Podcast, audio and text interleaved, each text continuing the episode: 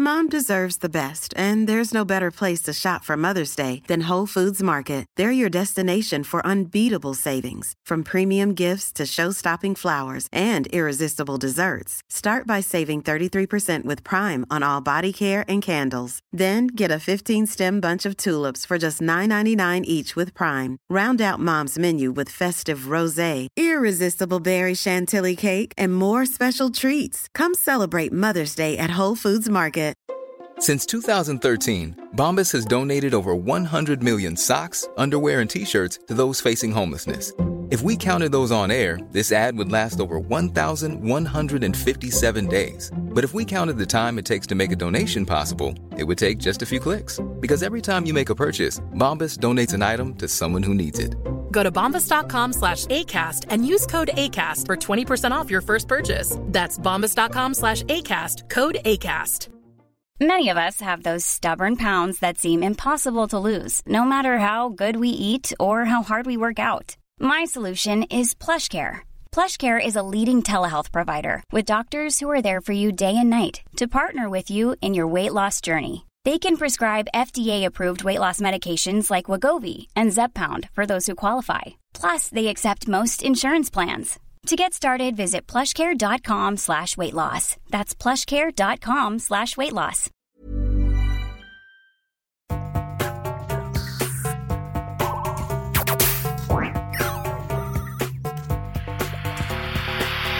Jeg heter Sondre Risholm Livrød. Jeg er psykolog, og dette er Webpsykologens podkast. Hverdagspsykologi for fagfolk og folk flest.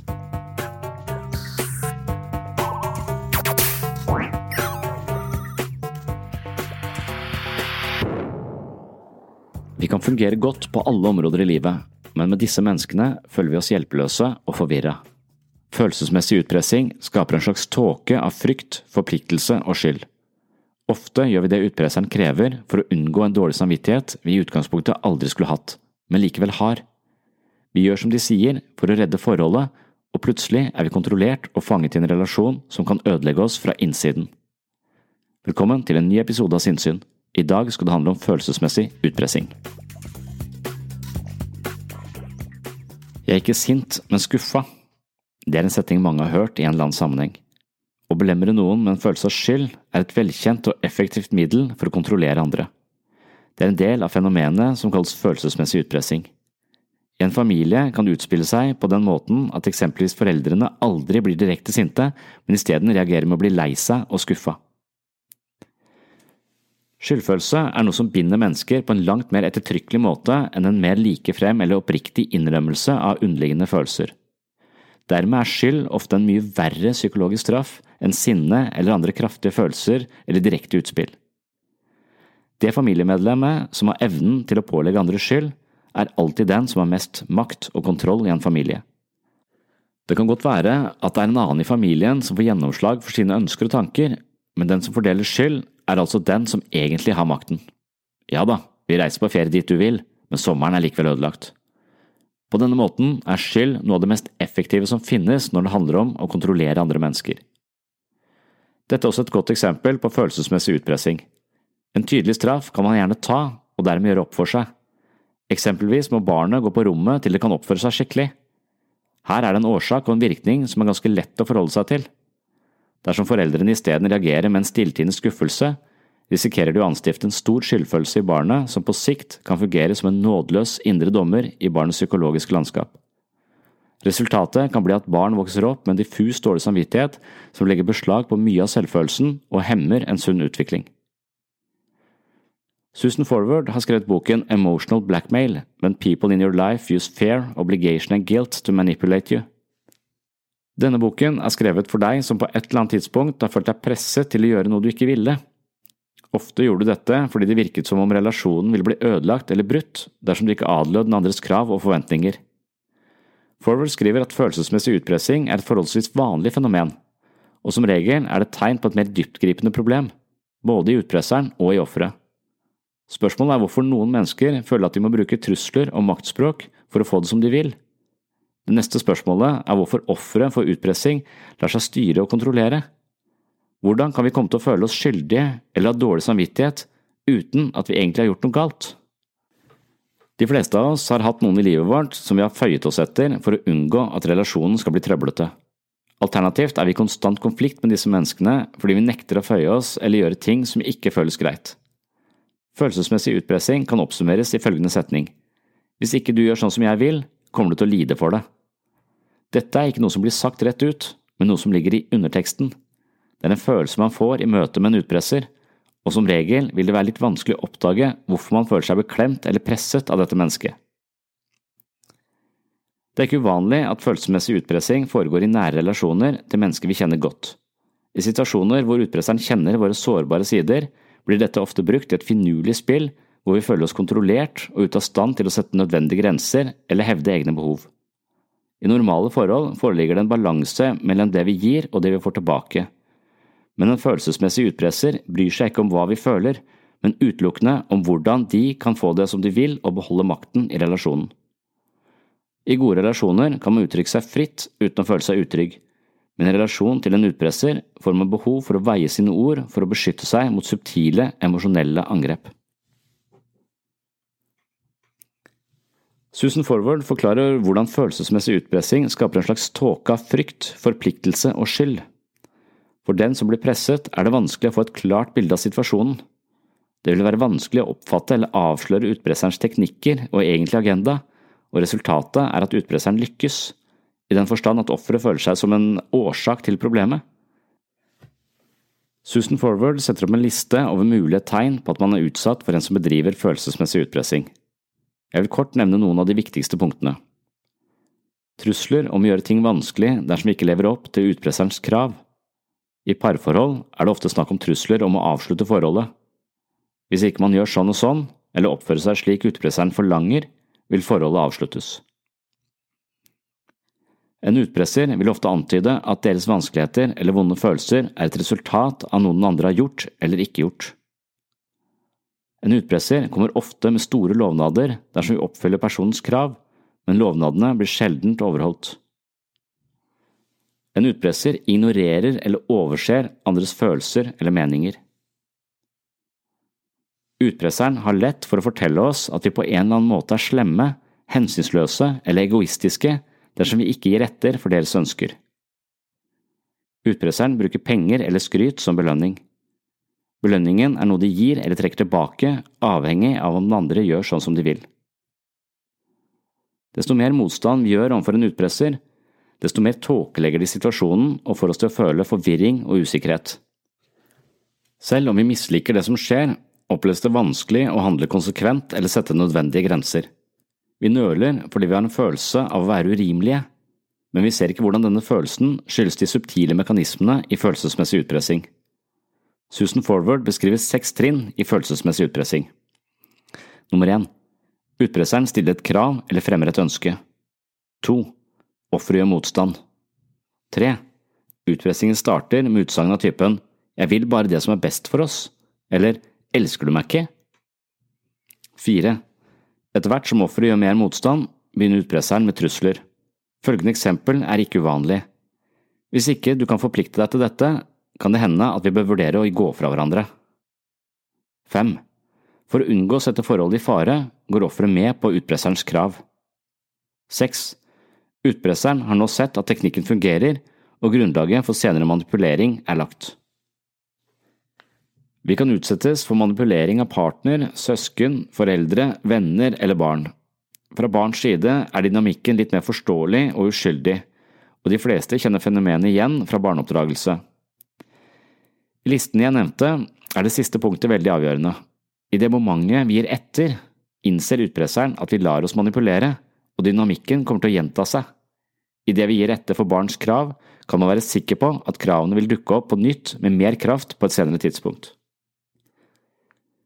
Det neste spørsmålet er hvorfor man driver med følelsesmessig utpressing. Hvorfor er det så viktig for en utpresser å vinne andres føyelighet? Noen ganger blir det så viktig at de er villige til å straffe andre for å vinne frem med egne behov. Psykologisk sett er det åpenbart at disse menneskene er frustrerte. Man kan si at de selv lider under et slags emosjonelt underskudd eller mangel på god selvfølelse, og dermed oppstår et behov for å få noe fra andre for å føle seg tilfreds. De opplever et slags eh, psykisk underskudd, ofte akkompagnert av en følelse av urettferdighet, og de mener at de fortjener å utligne ubalansen å få det som de vil i nære relasjoner. De er egosentrisk orientert, og istedenfor å tilpasse seg kompromisser, blir de dogmatiske og kontrollerende. Mennesker som oppfører seg klamrende, er sinte eller stadig tester oss, er på denne måten fordi det er en strategi de har adoptert for å beskytte seg mot tap. De får andre til å føle at de har gjort noe galt, men i bunn og grunn er det som regel vonde erfaringer fra utpresserens fortid som kommer tilbake og utspiller seg i nye relasjoner. En utpresser har ofte erfaring på at viktige personer har sviktet dem gjennom oppveksten, at de blir forlatt eller avvist, og for å unngå denne situasjonen på nytt blir manipulering av andre mennesker metoden for å beholde tryggheten. Det er en viss desperasjon over dette, samtidig som man ser at utpresser er så sårbar og selvsentrert at de mangler overskudd til å innta andres perspektiver og utvise empati overfor sine omgivelser. På folkemunne er det ikke uvanlig at den typen oppførsel assosieres med psykopati. Når en utpresser straffer sitt offer, gjøres det med en følelse av at offeret får som fortjent eller får seg en viktig lærepenge. De rettferdiggjør sin oppførsel overfor seg selv, og deres rigide og ufleksible væremåte gjør at de føler seg bedre. Innerst inne er utpresseren redd for å miste andre mennesker eller bli behandlet urettferdig, avvist eller forlatt. Den desperate strategien de bruker for å beholde kontrollen, fører i siste ende til at de faktisk blir forlatt og avvist, noe som ofte gjør at deres manipulerende tendenser forsterkes. Mye følelsesmessig utpressing er et resultat av avhengighet eller eiesyke. I et parforhold er dette veldig vanlig. Man kan se for seg at den ene parten skal på et helgkurs eller reise vekk noen dager med gamle venner eller lignende. Partneren som blir hjemme, lar det komme frem at de føler seg ensomme, kjeder seg eller må jobbe dobbelt så mye med barna og huset fordi den andre på en måte svikter, og den som reiser vekk, føler seg forferdelig skyldig. Det er naturlig å få dårlig samvittighet idet vår partner ikke har det greit, og særlig dersom vi opplever at det er på grunn av våre prioriteringer. Men Susan Forward skriver at vi ikke bør gi etter for denne følelsen. Når vi gir etter, forsterker det den manipulerende dynamikken. For å beholde forstanden og friheten i et slikt forhold er det viktig at vi innser at våre behov er ganske normale, og at partnerens subtile press er urimelig, selv om partneren bedyrer at det kommer fra et kjærlig sted. Det kan være at de elsker oss så høyt at de helst ikke eh, vil at vi skal reise vekk, men den typen kjærlighet er preget av eiesyke. Ekte kjærlighet vil generere et ønske om at den andre parten har det bra og er fri til å utfolde seg uten dårlig samvittighet. Ekte kjærlighet er raus. Susan Forward kan fortelle oss at det finnes flere former for følelsesmessig utpressing. Du har de mer direkte aggressive truslene, og så har du en mer stilltiende formidling av hva som vil skje dersom utpresseren ikke får det som han eller hun vil. En siste variant er stillhet, eller det som også kalles for å sette opp en steinvegg, eller stonewalling på engelsk. Utpresseren oppfører seg taust og inneslutta, partneren forstår at noe er galt, men vet ikke hva. Partneren anstrenger seg for å finne ut av hva den andre ønsker, slik at det blir mulig å gjenopprette en god relasjon. Noen ganger uttrykker mennesker seg kraftigere gjennom stillhet enn når de skriker. I nære relasjoner er vi mer sårbare og utsatte for følelsesmessig utpressing. For de fleste av oss er det vanskelig å holde på sitt i situasjoner hvor vi blir trua. Utpressingen kan handle om økonomi, trusler om skilsmisse eller rett og slett aggressivt press, og i verste fall fysisk vold. På et mer subtilt plan finner vi de truslene som spiller mer på skyldfølelse og samvittighet. Det er vanskelig å avslå et krav som hevdes med setningen Men elsker du meg ikke? Forward beskriver også en familie hvor datteren har slitt med rusmisbruk. Hun ber foreldrene om et lån for å kjøpe seg en leilighet, og foreldrene har ikke så mye valg ettersom det hele tiden ligger en trussel om at hun går tilbake til sitt gamle liv dersom foreldrene ikke oppfyller hennes krav. Når du utsettes for følelsesmessig utpressing, oppleves det som om det handler om deg, og du får en følelse av at det er du som er vanskelig. Men som regel handler det ikke om deg i det hele tatt. Faktum er at denne typen mellommenneskelige dynamikker stammer fra utpresseren og vedkommendes behov for å stabilisere en opplevd ubalanse i seg selv. Det er en forskjell på vanlige krangler og følelsesmessig utpressing. I en sunn relasjon forekommer det også krangler, men konfliktene vil avvikles forholdsvis raskt, og partnerne går tilbake til et mer stabilt emosjonelt klima. I en god relasjon finner vi konflikter av manipulerende karakter, hvor den ene parten stadig forsøker å underminere den andre selv og selvfølelse. Følelsesmessig utpressing foregår når den ene parten følger et mønster med det formål å øke sin egen makt og innflytelse på bekostning av den andre. Selv om vi kan komme i en konflikt eller krangel med partneren vår, er det ikke nødvendig med kraftige fornærmelser og personangrep. De fleste av oss har likevel opplevd denne typen konflikter, men innser at det representerer en skadelig og destruktiv kraft som truer relasjonen. Når en av partene fortsetter et slikt spor, og gradvis ser at det medfører mer makt og kontroll, risikerer man en relasjon preget av følelsesmessig utpressing. Når det går denne veien i et forhold, forutsetter det som regel at utpresseren sliter med psykisk ubalanse i utgangspunktet. De fleste av oss kan vippes av pinnen og si noe vi ikke mener, men siden kommer vi til å angre og innse hvordan våre harde ord kan skade den andre. En utpresser kommer ikke til den dårlige samvittigheten, nettopp fordi personen har hele sitt fokus bundet opp i seg selv og hva de selv trenger for å ikke føle på mangler, tilkortkommenhet og mindreverd. Utpressere vil alltid argumentere for at deres motiver og meninger er overlegne og bedre enn motpartens. De vil fortelle oss at det er noe galt med oss, og gjerne påstå at vi er egoistiske og lite hensynsfulle. De er flinke til å fremsette sine urimelige krav på en måte som gjør at de ikke virker fullt så urimelige, men er noe som gagner det felles beste. Den som ikke mener det samme som utpresseren, er enten dum eller gal. La oss se på et litt uh, uskyldig eksempel.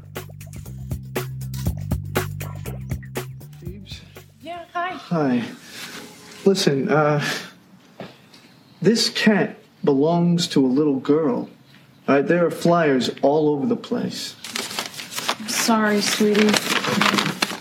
Hey, we can take her back with you if you want. Oh. Hmm. But, you know, she chose to find me. I mean, I have to respect her decision, right? That's a good call. Yeah, that would, that's right. No, no. Look, hey, enough is enough. Look, I am sorry that you feel guilty or whatever about spending time with your new mom, but this is not your old mom. This is a cat. Okay? Julio the cat. not mom, cat.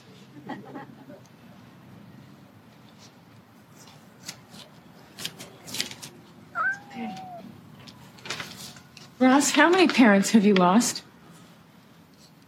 None. Okay, then you don't know what it feels like when one of them comes back, do you?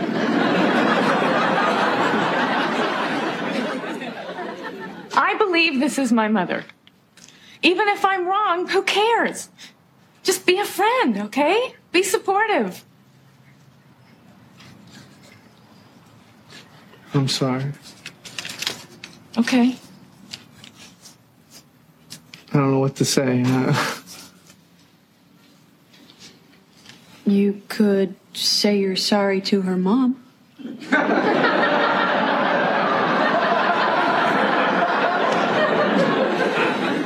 I think she would like that.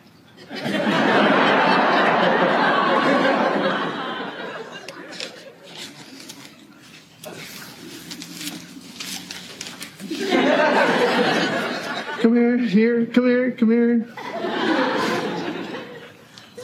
Mrs. Buffet. Sorry about what I said. Um, it was it was insensitive of me to say that you were just a cat.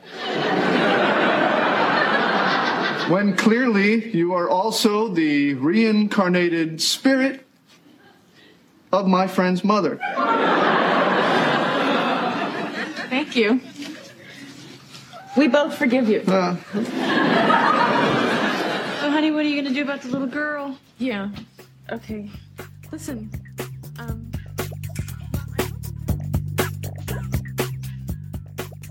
Følelsesmessig utpressing forvrenger virkeligheten på litt uangripelig måte, og det gjør oss forvirra. Det er ofte slik at en del av utpresserens vanskelige følelser projiseres ut på omgivelsene, og plutselig kan vi komme til å føle oss helt udugelige uten at vi forsto hva som skjedde. I et psykologisk fagspråk vil man si at det her foreligger en grad av projeksjon. Projeksjon er en betegnelse på et sett av psykiske forsvarsmekanismer hvor personen håndterer indre konflikter, impulser og følelsesmessig ubehag ved å avskrive seg ansvaret for dette belastende psykiske materialet. Isteden vil man oppleve at det psykiske ubehaget stammer fra en annen person eller er plassert utenfor en selv.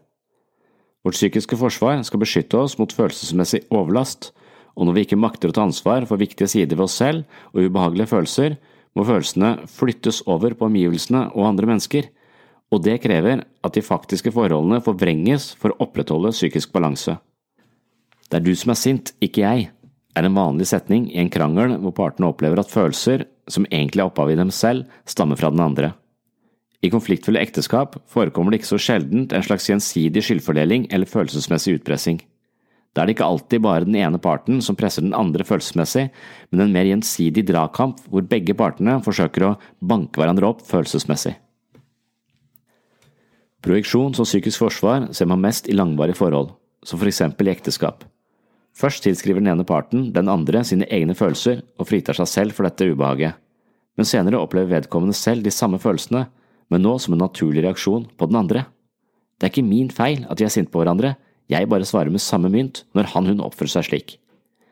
I et slikt klima, hvor projektiv identifikasjon spiller en rolle i relasjonen mellom mennesker, blir det etter hvert veldig vanskelig å avgjøre hvem som først gjorde hva mot hvem. Et ekteskap som fanges av mye projeksjon, står selvfølgelig i fare for å gå i oppløsning. For å komme ut av en slik situasjon krever det at alle partene tar ansvar for sine egne følelser og sin egen investering i forholdet. Det nytter ikke å reparere et ekteskap ved å forandre den andre. Hver og en må se innover og undersøke sine egne reaksjoner, tanker og følelser. Deretter kan man begynne å jobbe med parforholdet dersom begge partene går inn med større grad av emosjonell ansvarsbevissthet. Når virkeligheten forvrenges som følge av utpresserens psykologiske spill, vil det skape stor utrygghet og forvirring.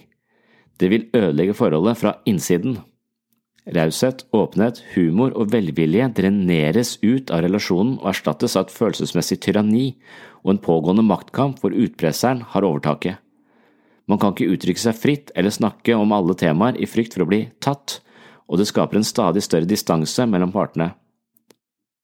All tillit og fortrolighet blir borte. Man må stadig være mer vaktsom og skjule sitt egentlige selv fordi relasjonen ikke lenger er en trygg base, men en uoversiktlig psykologisk krigssone. Utpresseren får oss til å tvile på vårt indre kompass. Tidligere kunne man kanskje bruke sine følelser og fornuft som en slags veileder i livet, men etter utpresserens tåkelegging blir det vanskeligere og vanskeligere å stole på seg selv. Dette er et fenomen som virkelig ødelegger vår selvfølelse. Idet vi begynner å tvile på vår intuisjon, fornuft og alminnelige standarder, har vi blitt et offer for utpresserens metoder, og den forvirrede tvilrådigheten vi kommer til å føle på, er noe av det som skader menneskers selvfølelse aller mest. Mennesker kan fungere utmerket på mange områder i livet, men likevel bli et offer for følelsesmessig utpressing, og deretter miste mye av seg selv i prosessen.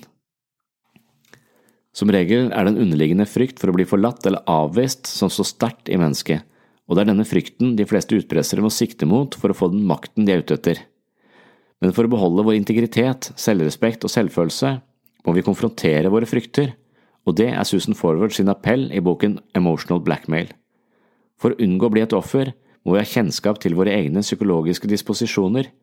Vi må kjenne til vår egen sårbarhet og legge merke til når noen angriper disse punktene i oss. Mer bevissthet rundt egne tanker og følelser og hvordan vi relaterer oss til andre, er på sett og vis den eneste måten å forebygge relasjoner hvor vi fanges av følelsesmessig utpressing. Mekanismene i følelsesmessig utpressing ligner altså en type psykisk forsvar som kalles projeksjon og projektiv identifikasjon. I andre del av dagens episode skal jeg snakke om dette psykiske forsvaret som forkludrer våre relasjoner fordi vi unnlater å ta ansvar for egne følelser. Ofte er det også slik at vi møter mennesker som ikke vedgår seg deler av sitt indre psykiske liv, men opplever at vi er roten til deres uakseptable følelser. Vi risikerer å bli pålagt en byrde som den andre ikke vil bære, og noen ganger tar vi det imot uten å forstå hva som skjer. Det er dette som kalles projektiv identifikasjon, og det foregår i mange nære relasjoner. Før vi går i dybden på projeksjon, skal jeg spille av et lite klipp fra et foredrag om psykisk forsvar. Å være, være i møte med andre mennesker på. Om hvordan veldig mye av det som vi sier og gjør, er styrt av ubevisste krefter. Så problemet er ofte ikke at folk lyver, men problemet er at de ikke vet hva som er sant selv. Eh, så veldig mange av følelsene våre er, er ikke, ligger over terskelverdien for det vi orker å ta inn over oss. og Derfor så uh, blir de utelatt fra bevisstheten vår, uh, og så ligger de likevel og styrer oss et eller annet sted i, i, skyggen, som Jung ville vil kalt det. Og Hvis vi da ikke på en måte er oppmerksom på vår egen skygge og forstår vårt eget forsvar, så vil vi ofte forholde oss til en verden som er litt forvrengt på en eller annen måte. Vi forvrenger vår egen oppfattelse av oss selv og virkeligheten for at vi ikke skal lide psykisk sammenbrudd. Så omkostningene ved dette psykiske forsvaret som vi eh, hadde snakket om sist, det er at vi ikke ser verden helt sånn som den er. Det vil vi aldri gjøre uansett, på en måte, men vi kan kanskje se den Vi kan være mer virkelighetsnære enn virkelighetsfjerne hvis vi forstår vårt eget uh, forsvar. Men ideen med det modne forsvaret er at vi er ganske bevisst følelsen. Vi kjenner til følelsen, vi vet om følelsen, og vi tar ansvar for, uh, for følelsen. Når vi kommer over i det nevrotiske eh, forsvaret, så har følelsen blitt såpass eh, eh, kraftig, og på en måte egoet vårt er ikke eh, på en måte kapabel til å håndtere denne følelsen. Så istedenfor at vi kjenner, tar ansvar for følelsen, så undertrykkes følelsen. Det er det nevrotiske forsvaret. Det er sentrert rundt fortrengning, ifølge, eh, ifølge denne psykodynamiske eh, ideen her til Freud og postfreudianere, og spesielt til Anna Freud. Så uh, fortrengning handler om at uh, følelsen på en måte blir putta inn i et rom i oss selv. Vi lukker døra, låser, kaster, uh, kaster nøkkelen. og Der har det også kimen til mye angst og depresjon. Så som vi sa i stad, Hvis vi på en måte undertrykker veldig mye sinne, så kan det føre til både angst og depresjon. Angst i kraft av at vi vet at det er noen krefter her som er ganske farlige, og vi er nødt til å bruke mye energi på å holde de i sjakk. Eh, depresjon, fordi de kreftene kunne vi brukt eh, til å lage dødsmetall.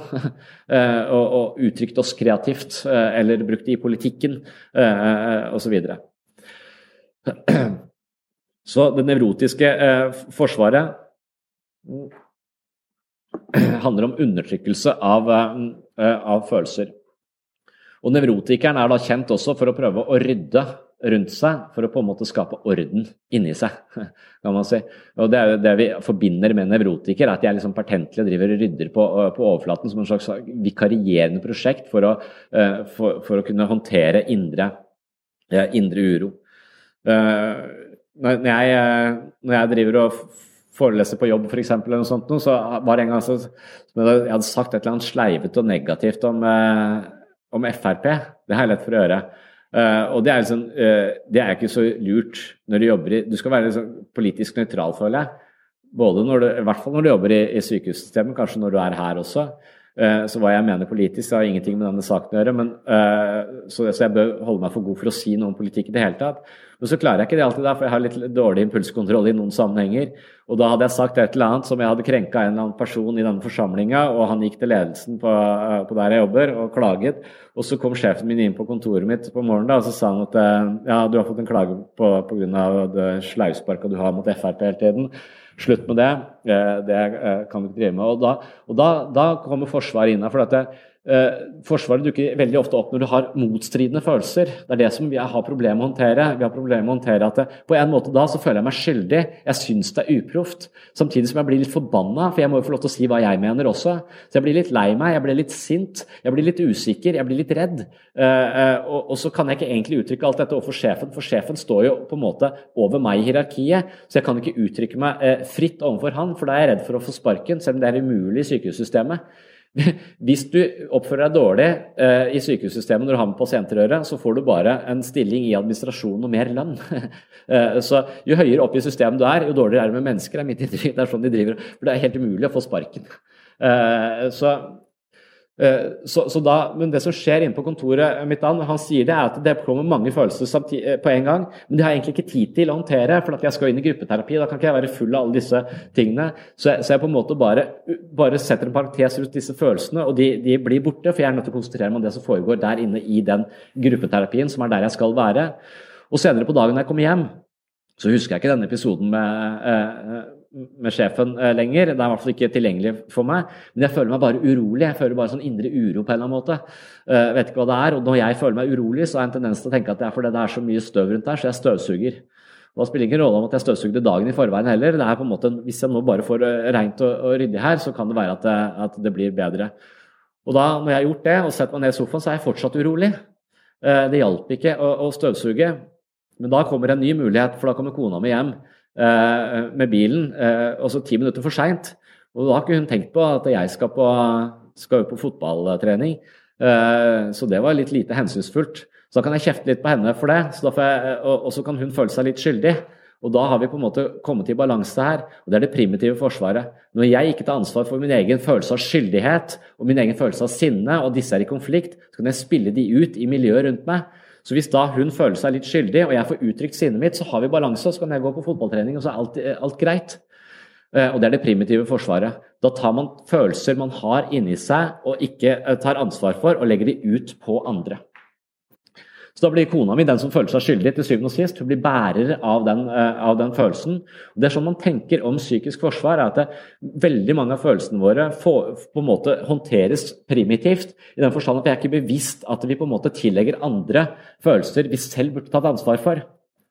Det er sånn man kan forstå, uh, av og til I familiepsykologien så forstår man alkoholikeren på denne måten. Uh, ikke alltid, men det er en mulig forståelse av det. At noen familiesystemer er avhengig av at en drikker, for da kan han være roten til alt, alle problemene i familiesystemet. Det er pga. han som drikker. at Det, alt er sånn, det er pga. han, det er pga. han. Og mer han får skylda for det, jo mer føler han seg skyldig, jo mer drikker han. Og sånn er ting i balanse. Vi har en slags container, vi har en slags syndebukkdynamikk her, som gjør at alle andre slipper å se på seg selv. De kan skylde på det som er uten, uh, utenfor. Og Da er det primitive mekanismer hvor noen blir bærere av dette. Og Hvis vi ikke avslører det, så vil denne personen gå, eh, bli en vedvarende søppelkasse for familiens ubehag som, ingen, som hver enkelt ikke orker å ta, eh, ta ansvar for. Det primitive forsvaret er, liksom, det, det, det er akkurat som vårt eget indre drama. Alle disse følelsene som ego ikke makter å ta inn over seg, de utspiller seg i forhold til de menneskene som er rundt oss, og gjerne i forhold til de menneskene som står oss nærmest. Så hvis mitt ego har en idé om at jeg er en person som alltid er blid og grei, og jeg er ikke arrogant, så må alle andre være arrogante. Er, jeg syns Sylvi Listhaug er arrogant. Eh, jeg er ikke arrogant. Eh, så, men, eh, men, hvis det da er La oss si at jeg også tenker at jeg er heller aldri sur. Så hvis det er en dårlig stemning, på en eller annen måte, så må det være noen andre enn meg. Og det kan skje f.eks. på søndag morgen Eh, kona mi er eh, ofte så driver hun og plystrer og nynner. Jeg syns det er skremmende med damer som nynner, særlig hvis de sitter i sirkel. Eh, men, men når hun da går rundt og nynner Jeg våkner på søndag morgen, kanskje jeg har vært ute med noen jeg ikke kjenner så godt, og så har jeg litt ekstra vondt i hodet. For det er pga. fiksering i oralstadiet, så har jeg drukket for mye for å kompensere for denne usikkerheten. og så våkner jeg da opp i, på morgenen så tenker jeg ah, det, det var litt sånn dårlig stemning. Og da kan jeg lett si til kona mi at jeg syns du virker litt sur i dag. Uh, og så sier hun eh, nei, nei, jeg har lagd uh, niste, og vi skal i Dyreparken og vi skal sammen med sånn vennepar som er sånn utrolig blide alltid, liksom. Det er ganske irriterende med folk som er det. Uh, for da blir du litt sur i forhold til de, uansett hvor blid du egentlig er. Så jeg føler at folk har et ansvar for å jekke seg litt ned innimellom. men det er også, jeg er i hvert fall ikke en sur person, så det er dårlig stemning. Så jeg sier ja, men jeg syns du virker litt amper. og så sier hun nei, nei, bare pakk, stå opp til, og så, så, så drar vi. Og sier det en gang til, men det er et eller annet, og da er hun sur.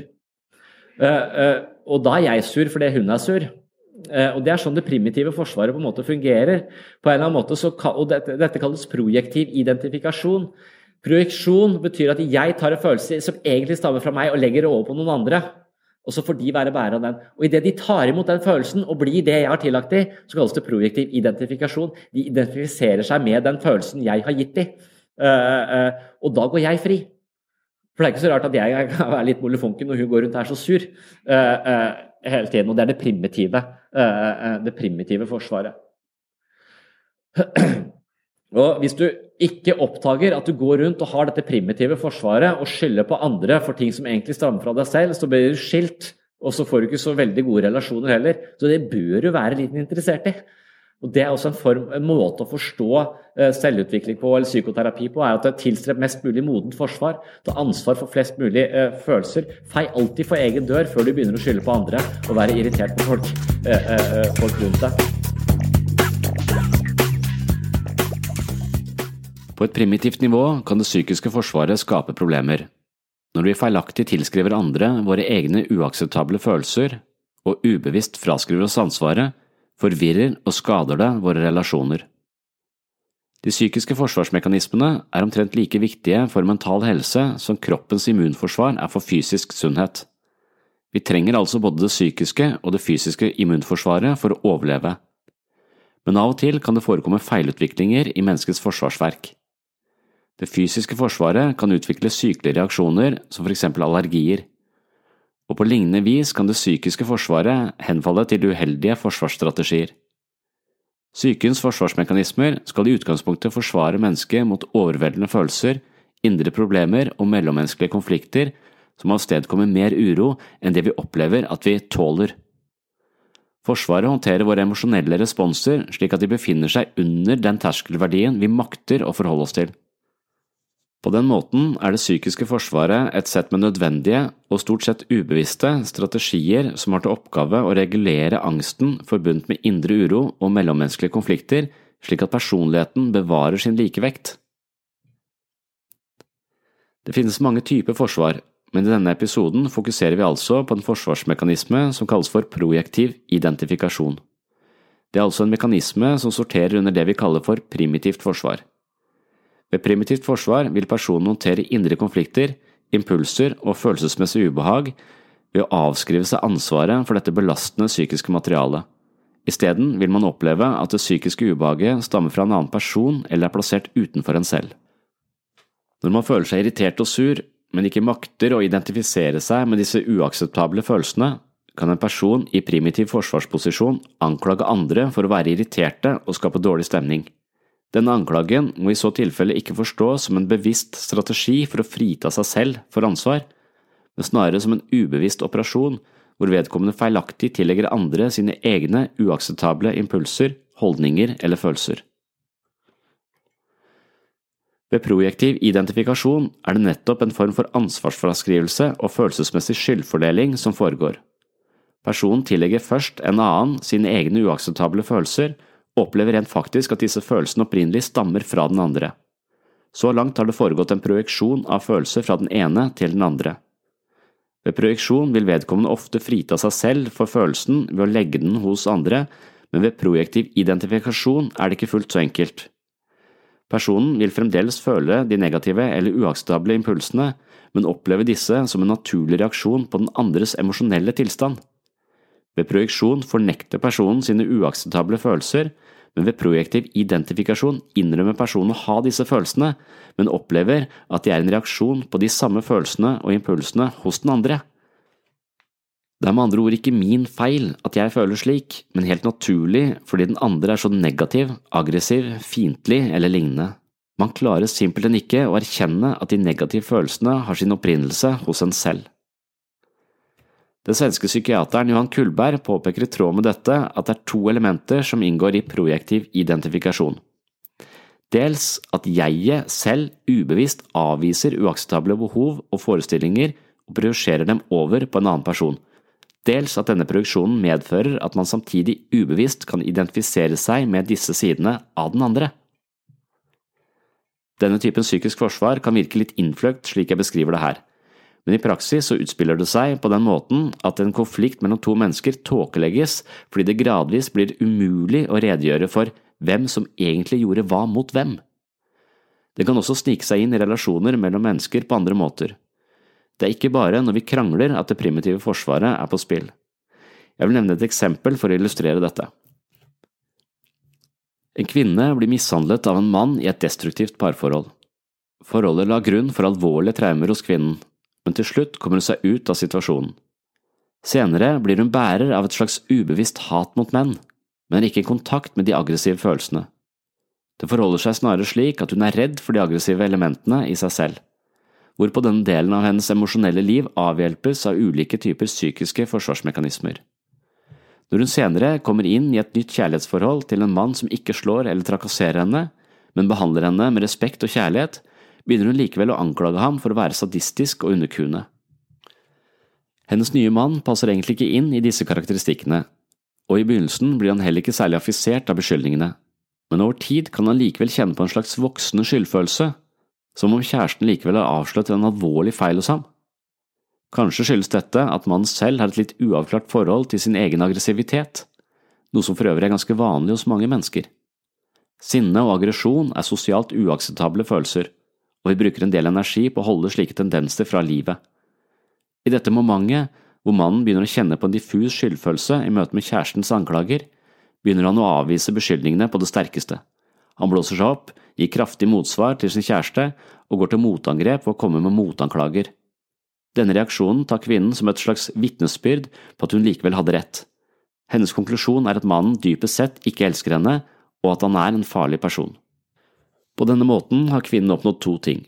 Først og fremst har det mellommenneskelige spillet med kjæresten fritatt henne for å erkjenne sin egen problematikk rundt aggresjon rettet mot menn, og samtidig har hun fått kontroll på de aggressive følelsene ved å plassere dem hos mannen. Mannen har etter hvert blitt fange i dette subtile psykologiske dramaet, og mange av kvinnens beskyldninger har tatt bolig i ham som en følelsesmessig tumor eller et fremmedlegeme. Denne problematikken er også et kjent fenomen ved vanskelige skilsmisser. Partene anklager hverandre og mister evnen til å ta ansvar for egne følelser.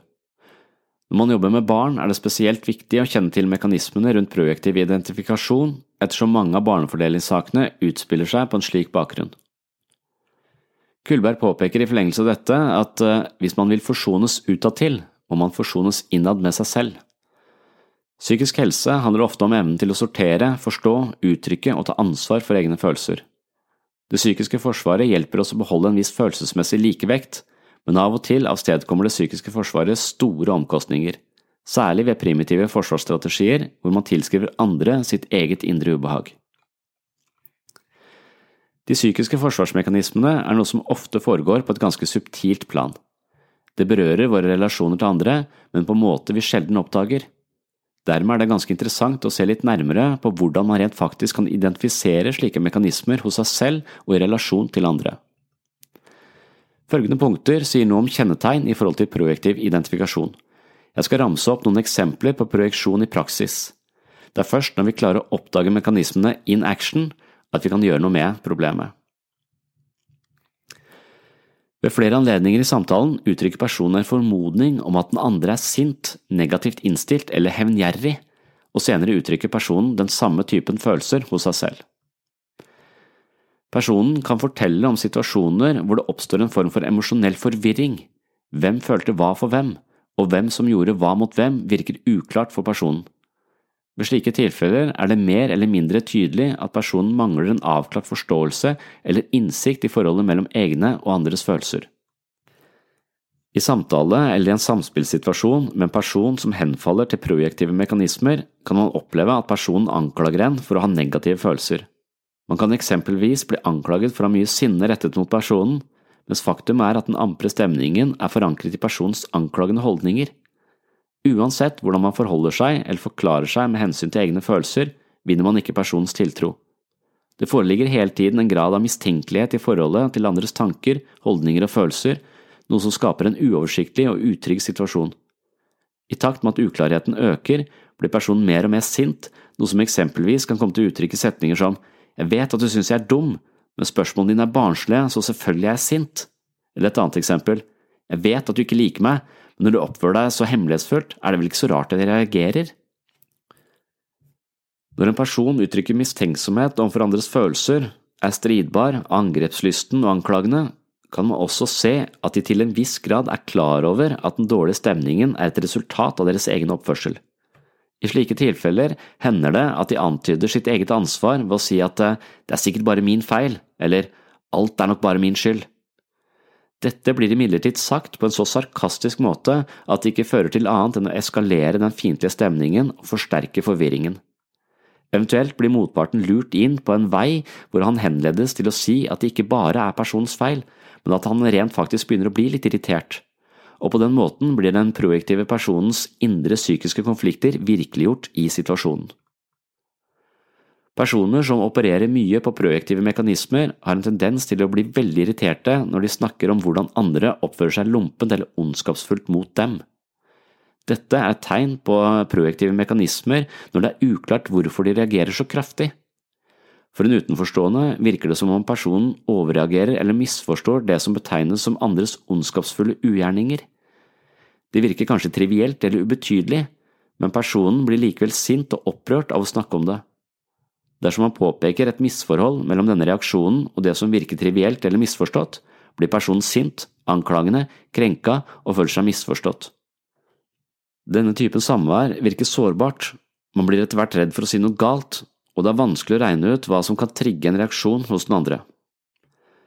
Man blir tillagt følelser og hensikter man egentlig ikke har, noe som også kan skape en følelse av fremmedhet. Ved sterke innslag av projektive mekanismer har personen ofte havnet i voldsomme raserianfall hvor andres innspill, forsøk på å hjelpe, si unnskyld eller lindre personens sårede følelser ikke fører til annet enn å provosere mer sinne. På psykiatrisk avdeling finnes det mange engler og demoner. Psykotiske mennesker sliter med en realistisk oppfattelse av seg selv og verden, og i mange sammenhenger fungerer mennesker i krise på et psykisk forsvar sentrert rundt splitting. Det betyr at de oppfatter andre som enten utelukkende gode, altså som engler, eller utelukkende onde, altså som demoner. Å se nyansene eller gråsonene i tilværelsen, mennesker er både gode og onde, er en mental operasjon som krever psykisk overskudd og ved mangel på slikt overskudd henfaller man ofte til mer sort-hvitt-opplevelser av seg selv og verden. Jeg er helt udugelig, ingen liker meg, ingen bryr seg om meg, og lignende, er eksempler på unyanserte selvoppfattelser som ofte er en del av kjernen i psykisk lidelse.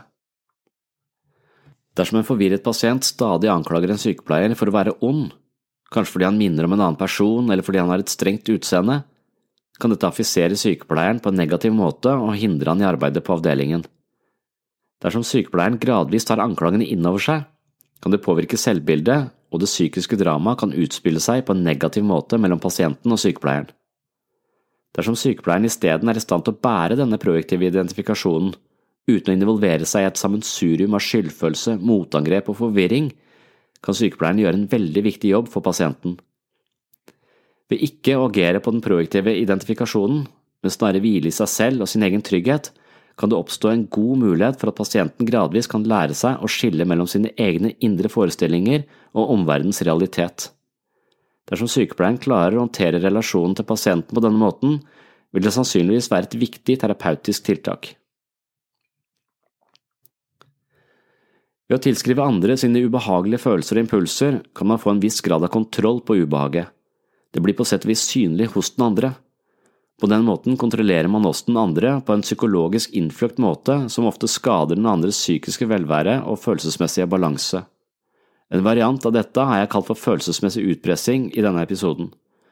Dersom den andre er mottakelig for det projektive materialet og identifiserer seg med dette, blir vedkommende bærer for den andres indre konflikter. Langsomt inndras man i et uoversiktlig skyldforhold og blir en medspiller i den andres psykiske drama, og dette foregår som regel ubevisst.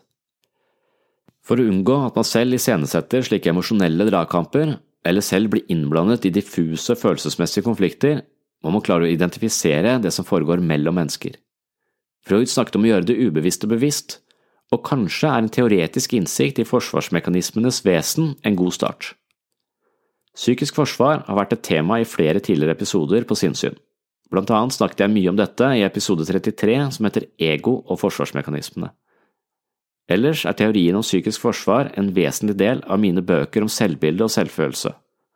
Psykisk forsvar inngår som en viktig element i det som kalles dynamisk psykologi, det vil si psykologiske teorier som legger vekt på drivkreftene bak menneskers handlinger. Det dreier seg om innsikt i følelser, drifter, motiver og behov, og deres konflikter og ytringsformer. Et eksempel er psykoanalyse, og selv om dette er en gammel teori med røtter hos Freud, finner jeg mye spennende og interessante temaer i dette terrenget.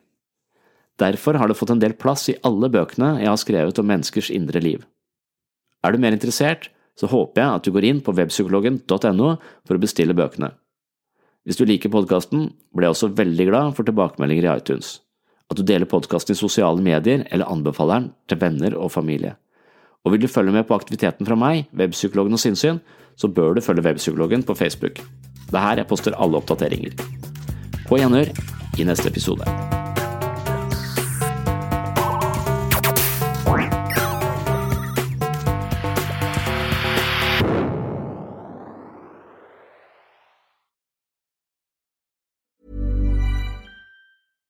Mom deserves the best, and there's no better place to shop for Mother's Day than Whole Foods Market. They're your destination for unbeatable savings, from premium gifts to show-stopping flowers and irresistible desserts. Start by saving 33% with Prime on all body care and candles. Then get a 15-stem bunch of tulips for just $9.99 each with Prime. Round out Mom's menu with festive rosé, irresistible berry chantilly cake, and more special treats. Come celebrate Mother's Day at Whole Foods Market. Normally, being a little extra might be a bit much, but not when it comes to healthcare. That's why United Healthcare's Health Protector Guard fixed indemnity insurance plans, underwritten by Golden Rule Insurance Company, supplement your primary plan so you manage out of pocket costs. Learn more at uh1.com. Mom deserves the best, and there's no better place to shop for Mother's Day than Whole Foods Market. They're your destination for unbeatable savings, from premium gifts to show-stopping flowers and irresistible desserts. Start by saving 33% with Prime on all body care and candles. Then get a 15-stem bunch of tulips for just $9.99 each with Prime. Round out Mom's menu with festive rosé, irresistible berry chantilly cake, and more special treats. Come celebrate Mother's Day at Whole Foods Market.